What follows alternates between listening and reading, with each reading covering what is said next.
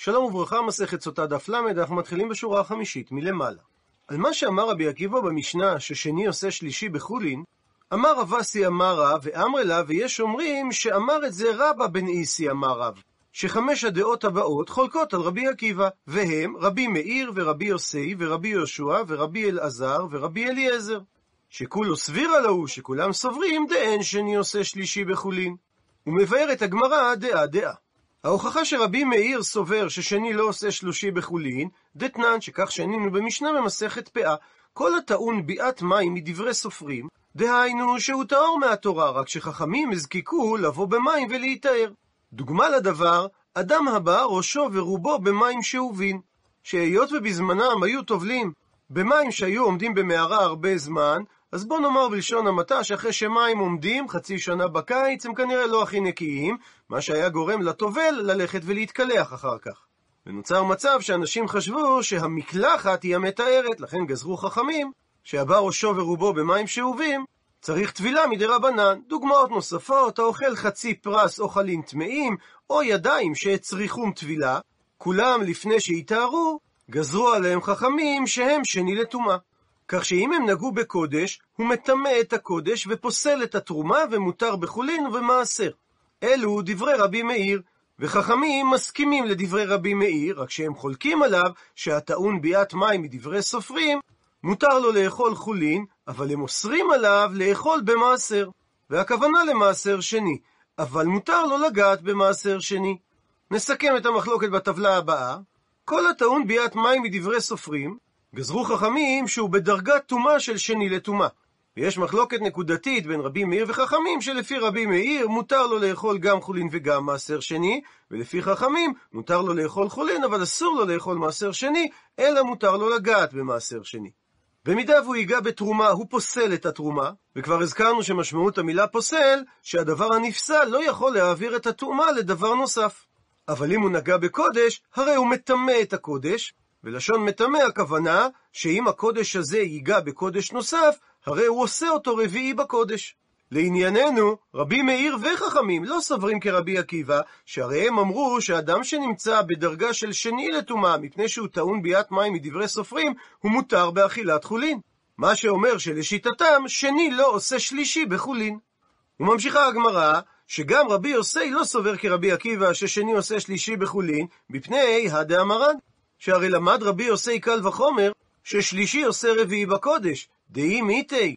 ואם הוא היה סובר שיש שלישי לטומאה בחולין מן התורה, ליתי, אז הוא היה דורש לרביעי בתרומה וחמישי בקודש. הוא היה לומד שיש מדרגת רביעי בתרומה מקל וחומר מטבול יום, ועל בסיס זה הוא היה דורש שיש חמישי בקודש מרביעי בתרומה מקל וחומר ממחוסר כיפורים.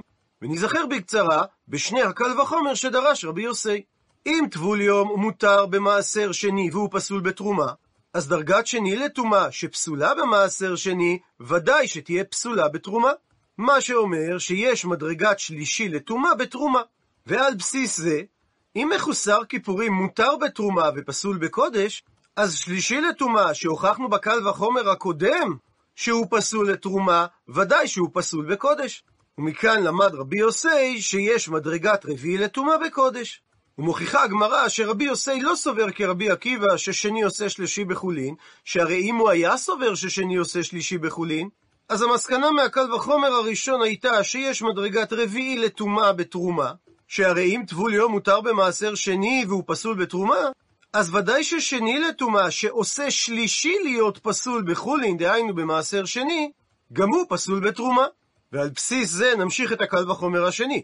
אם מחוסר כיפורים מותר בתרומה ופסול בקודש, אז שלישי שעושה תרומה רביעי לטומאה, ודאי שהוא פסול בקודש. והרי רבי יוסי לא למד שיש מדרגת חמישי לטומאה בקודש. ולכן בהכרח שרבי יוסי חולק על רבי עקיבא והוא סובר ששני לא עושה שלישי בחולין.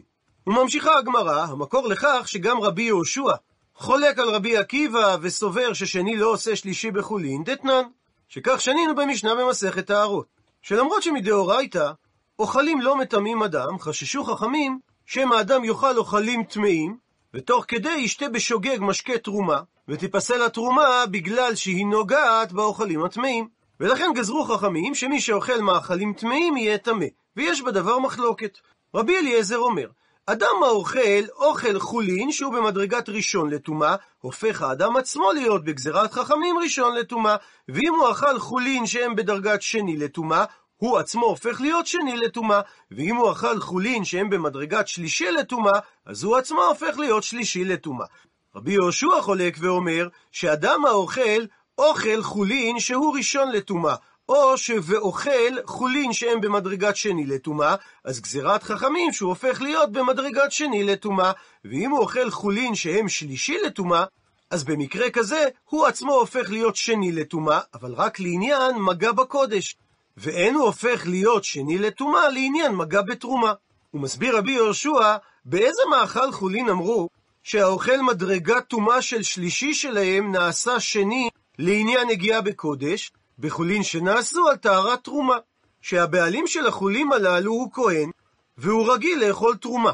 וכדי לא להסתבך במטבח עם תרומה ועם טומאה, הוא קיבל עליו לאכול גם את החולים שלו בטהרת תרומה. וחכמים תיקנו שחולים כאלו, שאוכלים אותם בטהרת טומאה, יש בהם שלישי לטומאה כפי שיש בתרומה, מה שאין כן בחולים אחרים, שאינם על טהרת תרומה, שוודאי אין בהם את מדרגת שלישי לטומאה. עד לכאן הציטוט מהמשנה, ומדייק את הגמרא. על טהרת התרומה אין, על טהרת הקודש לא. שדווקא חולין שנעשו על טהרת תרומה יש בהם מדרגה של שלישי לטומאה, אבל על מציאות נדירה יותר, שכהן מקבל על עצמו לנהוג בחולין שתחת ידו כבקודש, לא גזרו חכמים שדינם כקודש, מפני שזו מציאות נדירה, ולכן בטלה דעתו ואין בדבריו כלום. ומכאן נסיק עלמא, תאמר שכסבר רבי יהושע, אין שני עושה שלישי בחולין, אלא רק בחולין שנעשו על טהרת התרומה. לסיכום, מחלוקת רבי אליעזר ורבי יהושע, מה דרגת הטומאה שגזרו חכמים על אדם שאוכל חולין טמאים. לפי רבי אליעזר, דרגת טומאת האדם שווה לדרגת הטומאה שהוא אכל. לפי רבי יהושע, אם האדם אכל טומאה בדרגה ראשונה או שנייה, גזרו חכמים שהוא הופך להיות שני לטומאה, ואם הוא אכל חולין שנעשו על טהרת טומאה שיש בהם דרגת שלישי לטומאה, נעשה האדם שני לקודש ולא שני בתרומה. ומזה שרבי יהושע הסביר שרק חולים שנעשו בטהרת תרומה יש בהם מדרגת שלישי לטומאה, משמע שהוא חולק על רבי עקיבא, שסבר ששני עושה שלישי גם בחולים רגילים. וממשיכה הגמרא, והמקור לכך שרבי אלעזר חלק על רבי עקיבא וסובר ששני לא עושה שלישי בחולין, דתניא שכך שנינו בברייתא, רבי אלעזר אומר, שלושתם שווים, הראשון שבקודש ושבחולין ושבתרומה. שדין ראשון בחולין, ראשון בתרומה וראשון בקודש זהה, בכך שהוא מטמא שניים ופוסל אחד בקודש, מטמא אחד ופוסל אחד בקודש, ופוסל אחד בחולין. דהיינו, ראשון לטומאה, לא משנה אם הוא חולין, תרומה או קודש, אם הוא נגע בחולין, הוא פוסל אותו שהוא הופך להיות שני לטומאה. ואם הוא נגע בתרומה, הוא מטמא אחד ופוסל אחד, דהיינו, הוא מטמא את התרומה להיות שנייה לטומאה, ותרומה נוספת שתיגע בה הופכת להיות פסולה בדרגת שלישי לטומאה. ואם הראשון ייגע בקודש, הרי הוא מטמא שניים ופוסל אחד, שהקודש הופך להיות שני לטומאה, וקודש שייגע בו הופך להיות שלישי לטומאה, וקודש שייגע בו נפסל במדרגת רביעי לטומאה. לענייננו, הרי שרבי אלעזר סובר שאין מדרגת שלישי לטומאה בחולין. וממשיכה הגמרא שהמקור לכך שרבי אליעזר חולק על רבי עקיבא, ולא סובר ששני עושה שלישי בחולין, דתנן, שכך שנינו במשנה במסכת פאה. וראשית מביא לנו רש"י את תחילת המשנה, שהכמות הנדרשת להפרשת חלה זה אחד מ-24 מכמות העיסה. ואם נטמעה העיסה בשוגג או באונס, אמר תנא קמא שמספיק להפריש כמות של 1 מ-48 מהעיסה. אבל אם נטמעה העיסה במזיד, אז צריך להפריש כאילו העיסה היא טהורה 1 חלקי 24, כדי שלא יהיה חוטא נשכר. ורבי אליעזר חלק על תנא קמא ואמר, שבמקרה שנטמעה העיסה במזיד, לא מפרישים מהעיסה הטמעה, אלא מכינים עיסה טהורה, ותולשים ממנה בטהרה, כדי ליטול הפרשת חלה מהעיסה הטהורה לעיסה הטמאה, ומשום שיש מצווה לתרום מן המוקף, דהיינו מעיסות המחוברות זו לזו, נשאלת השאלה, כיצד לעשות שיהיה מן המוקף בלי שהעיסה הטהורה תטמא? ועל כך רבי אליעזר אומר, חלה ניטלת מן הטהורה על הטמאה, כיצד? שתי עיסות, אחת טהורה ואחת טמאה. אז הוא נוטל כמות של כדי חלה מהעיסה הטהורה שלא הורמה עדיין חלתה, שהרי אם כבר הורמה חלתה, לא ניתן להפריש ממנה שהיא כבר פטורה מחלה על העיסה הטמאה שבה יש חיוב, ונותן פחות מכמות של מקביצה מהעיסה הטהורה, ושם באמצע בין שתי העיסות כדי לאפשר ליטול מן המוקף. הפכנו דף, ומסביר רש"י, שהאישה נותנת מן העיסה הטהורה כמות של פחות מקביצה, שתחבר בין החלה הטהורה ובין העיסה הטמאה. כך שהיא נוגעת בשתיהן ומצרפתן. ואז ניתן לקרוא שם על החלה מהעיסה הטהורה, גם עבור העיסה הטמאה, ומסלקת האישה את העיסה הטהורה עם קריאת השם. והכמות באמצע הפחות מקביצה אינה מטמאה את החלה, אף על פי שהיא עצמה מקבלת טומאה. כפי שדרשנו בדורת כהנים, על הפסוק מכל האוכל אשר יאכל, מלמד שהוא מטמא בכלשהו, יכול שגם יטמא לאחרים בכל כמות שהיא. תלמוד לומר אשר יאכל, שאוכל שיכול לטמא אוכלים אחרים זה רק אוכל שנאכל בבת אחת. ושיראו חכמים שאין בית הבליעה של אדם מחזיק יותר מביצת תרנגולת. ולכן אוכל בשיעור פחות מכביצה אינו מטמא אוכל אחר. וחכמים אוסרים, כפי שתסביר הגמרא בהמשך. ותניא, ושנינו בברייתא, נוסח שלפיו רבי אליעזר מתיר להשתמש אפילו בחתיכה אמצעית שגודלה כביצה. שאף אם שיעור העיסה המחברת היא כביצה, היא לא מטמאה את החלה עד שלא נקרא עליה שם, דהיינו עד שלא ביצעו את ההפרשה בפועל. ומכאן סברו החכמים שהיו בבית המדרש להוכיח שרבי אליעזר סובר שאין שני עושה שלישי בחולין. והם סברו לומר, אידי ואידי זה וזה, גם המשנה וגם הברייתא, מדברים בעיסה שהיא ראשונה לטומאה, וחולים הטבולים לחלה, לא כחלה דמו. עיסת חולין שלא הפרישו ממנה עדיין חלה, לכן היא נחשבת כתבל לעניין חלה, לעניין דיני טומאה היא לא נחשבת כחלה, אלא כחולין. ואמר רבי אליעזר בברייתא, ששיעור העיסה המחברת בין העיסה שהיא ראשון לטומאה לבין העיסה הטהורה, יכול להיות אפילו בשיעור כביצה. ומכאן דייקו, מה אילה באקא מפלגי? האם לא נחלקו בדבר הבא? דמר סבר שזה רבי אליעזר, שאין שני עושה שלושי בחולין, וממילא הוא חולק על רבי עקיבא, ומר סבר שזה דעת חכמים, ששני עושה שלישי בחולין. מסביר רש"י, שרבי אליעזר שהתיר סבר שאין שני עושה שלישי בחולין, ורבנן שאסרו כנראה סברו ששני עושה שלישי בחולין, ולכן נטמעה העיסה הטהורה עוד לפני קריאת השם, ונוצר מכשול שנותנים לכהן חלה טמאה בחזקת שהיא טהורה. והסיבה שהטענה של המשנה אמרת שלשיטת רבי אליעזר ניתן לחבר את העיסות גם עם עיסה שהיא פחות מקביצה, זה לא משום שהוא סובר שלרבי אליעזר שני עושה שלישי, אלא משום שהוא סובר שכמה שאפשר למעט את הטומאה מהעיסה האמצעית המחברת, ממעטים. או מפני שאסור לגרום טומאה לחולין, אלא משום תקנת תרומה, והרי אפשר לתקן את התרומה גם בכמות הקטנה מקביצה, או משום החשש שאולי הוא לא ייזהר ותיגע הפרשת החלה בעיסה האמצעית לאחר קריאת השם. וחכמים שאסרו במשנה, גם כאשר מדובר על כמות שהיא פחות מקביצה בעיסה האמצעית, זה משום החשש שמא הוא ישים כמות של כביצה בעיסה האמצעית, והיא תטמא מהעיסה התמיהה, ותחזור ותטמא את החלה. ודוחה הגמרא את הבנת המחלוקת באופן הזה, מפני שאמר רב מרי ברדר רב כהנא, שניתן להסביר את המחלוקת באופן הבא. דכולי עלמא, גם חכמים וגם רבי אליעזר סוברים שאין שני עושה שלישי בחולין. כך ששתי הדעות לא מסכימות לדעתו של רבי עקיבא במשנה. והכה, וכאן, בחולין הטבולים לחלק המפלגי. נקודת המחלוקת היא איך להתייחס לעיסת חולין שצריך להפריש ממנה חלה.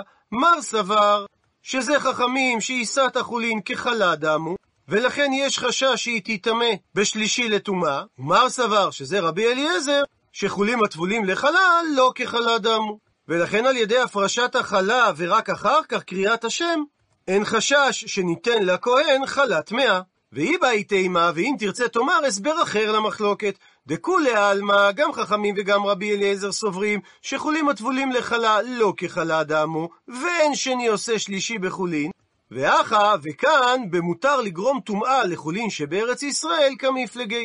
נקודת המחלוקת, האם עבור הפרשת חלה, מותר לטמא את העיסה הממצאית המחברת, למרות היותה חולין. מר סבר שזה רבי אליעזר, שמותר לגרום טומאה לחולין שבארץ ישראל כדי להפריש חלה בטהרה, ולכן ניתן לטמא את העיסה האמצעית, ומר סבר שזה חכמים, שאסור לגרום טומאה לחולין שבארץ ישראל, אפילו לא כדי לאפשר הפרשת חלה בטהרה. ציטוט מהמשנה, בו ביום דרש רבי עקיבא וכולי, שלפי רבי עקיבא נותנים ללוויים אלף אמה מסביב לעיר, ומה שאמר הפסוק אלפיים אמה הוא התייחס לתחום שבת, ולפי רבי אליעזר בנו של רבי יוסי הגלילי, שתי המידות מתייחסות לתחום שנותנים ללוויים, כאשר אלף אמה מסביב לעיר צריך להשאיר שצ"פ, שטח ציבורי פתוח, מגרשי הערים, ותחום של אלף אמה נוספים עבור שדות וכרמים. ושואלת הגמרא, במאיקה מפלגי, מה נקודת המחלוקת? עונה הגמרא, מר סבר שזה רבי עקיבא תחומין דאורייתא, ועל איסור תחום שבת דיבר הפסוק, ומר סבר שזה רבי אליעזר, בנו של רבי יוסי הגלילי, שאיסור תחומים בשבת הוא רק דרבנן. ולכן בהכרח שהפסוק לא דיבר על אלפיים אמה תחום שבת, אלא על גבול הרי הלוויים. וממשיכה הגמרא תנו רבנן, שנו רבותינו בתוספתא, בו ביום דרש רבי עקיבא את הדרשה הבאה. בשעה שעלו ישראל מן הים, נתנו עיניהם לומר שירה, וכיצד אמרו שירה? כגדול המקרא את ההלל, והם עונים אחריו ראשי פרקים. זאת אומרת, משה אמר את המילים אשיר על השם, והם אומרים אחריו את הפזמון אשיר על השם. משה המשיך ואמר כי גאו גאה, והם חוזרים ואומרים את הפזמון אשיר על השם. רבי אליעזר בנו של רבי יוסי הגלילי חולק ואומר שהעם אמרו את השירה כקטן המקרא את ההלל, והם עונים אחריו כל מה שהוא אומר. כל שורה שאמר משה, העם חזרו אחריו באופן הבא. משה אמר את המילים אשיר על השם, והם אומרים אחריו אשיר על השם. משה אמר את המילים כי גאו גאה, והם אומרים אחריו את המילים כי גאו גאה. דעה שלישית, רבי נחמיה אומר, שזה היה נשמע כסופר הפורס על שמה בבית הכנסת, שהוא פותח תחילה והם עונים אחריו. מסביר רש"י, סופר, הכוונה למלמד תינוקות שנמצא תדיר בבית הכנסת, והוא פורס על שמה לעשרה שנועדים שם למניין. דהיינו, הוא מתחיל בברכות שלפני קריאת שמע, והם עונים אחריו ומצטרפים כך שקוראים כולם יחד. וכך שרתה רוח הקודש על כולם, וכיוונו יחד את השירה כפי שהיא כתובה. עד לכאן לשון התוספתא, ושואלת הגמרא במאיקה מפלגי, במה נחלקו שלוש הדעות? עונה הגמרא, רבי עקיבא סבר שהמילה לאמור מתייחסת המילתא קמייתא, שהעם היו עונים תמיד את המילים שכתובים אחרי המילה לאמור, וזה המילים אשיר על השם. ורבי אליעזר בנו של רבי יוסי הגלילי סבר שהמילה לאמור מתייחסת הכל מילתא ומילתא, על כל משפטי השירה שמופיעים אחרי המילה לאמור. ורבי נחמיה סבר על פי מה שכתוב ויאמרו לאמור, שהמילה ויאמרו מלמדת דאמור כולו בעדי הדדי, שאמרו כולם, משה ובני ישראל, את השירה ביחד. והמילה לאמור, הכוונה, דפתח משה ברישא. שמשה הרשה לכולם לאמור, אחרי שהוא פתח, להצטרף ולומר יחד איתו את השירה. ונסכם את הדברים בקצרה. רבי עקיבא סובר שמשמעות המילה לאמור, שעם ישראל אמרו את המילים הראשונות שמוזכרות אחרי המילה לאמור, וממילא משה אמר משפט, והעם אמר כפזמון את המילים אשיר על השם. רבי אליעזר בן רבי יוסי הגלילי סובר שהמילה לאמור מתייחסת לכל משפטי השירה שנאמרו אחריה, ולכן משה אמר משפט, והעם חזרו על מה שמשה אמר.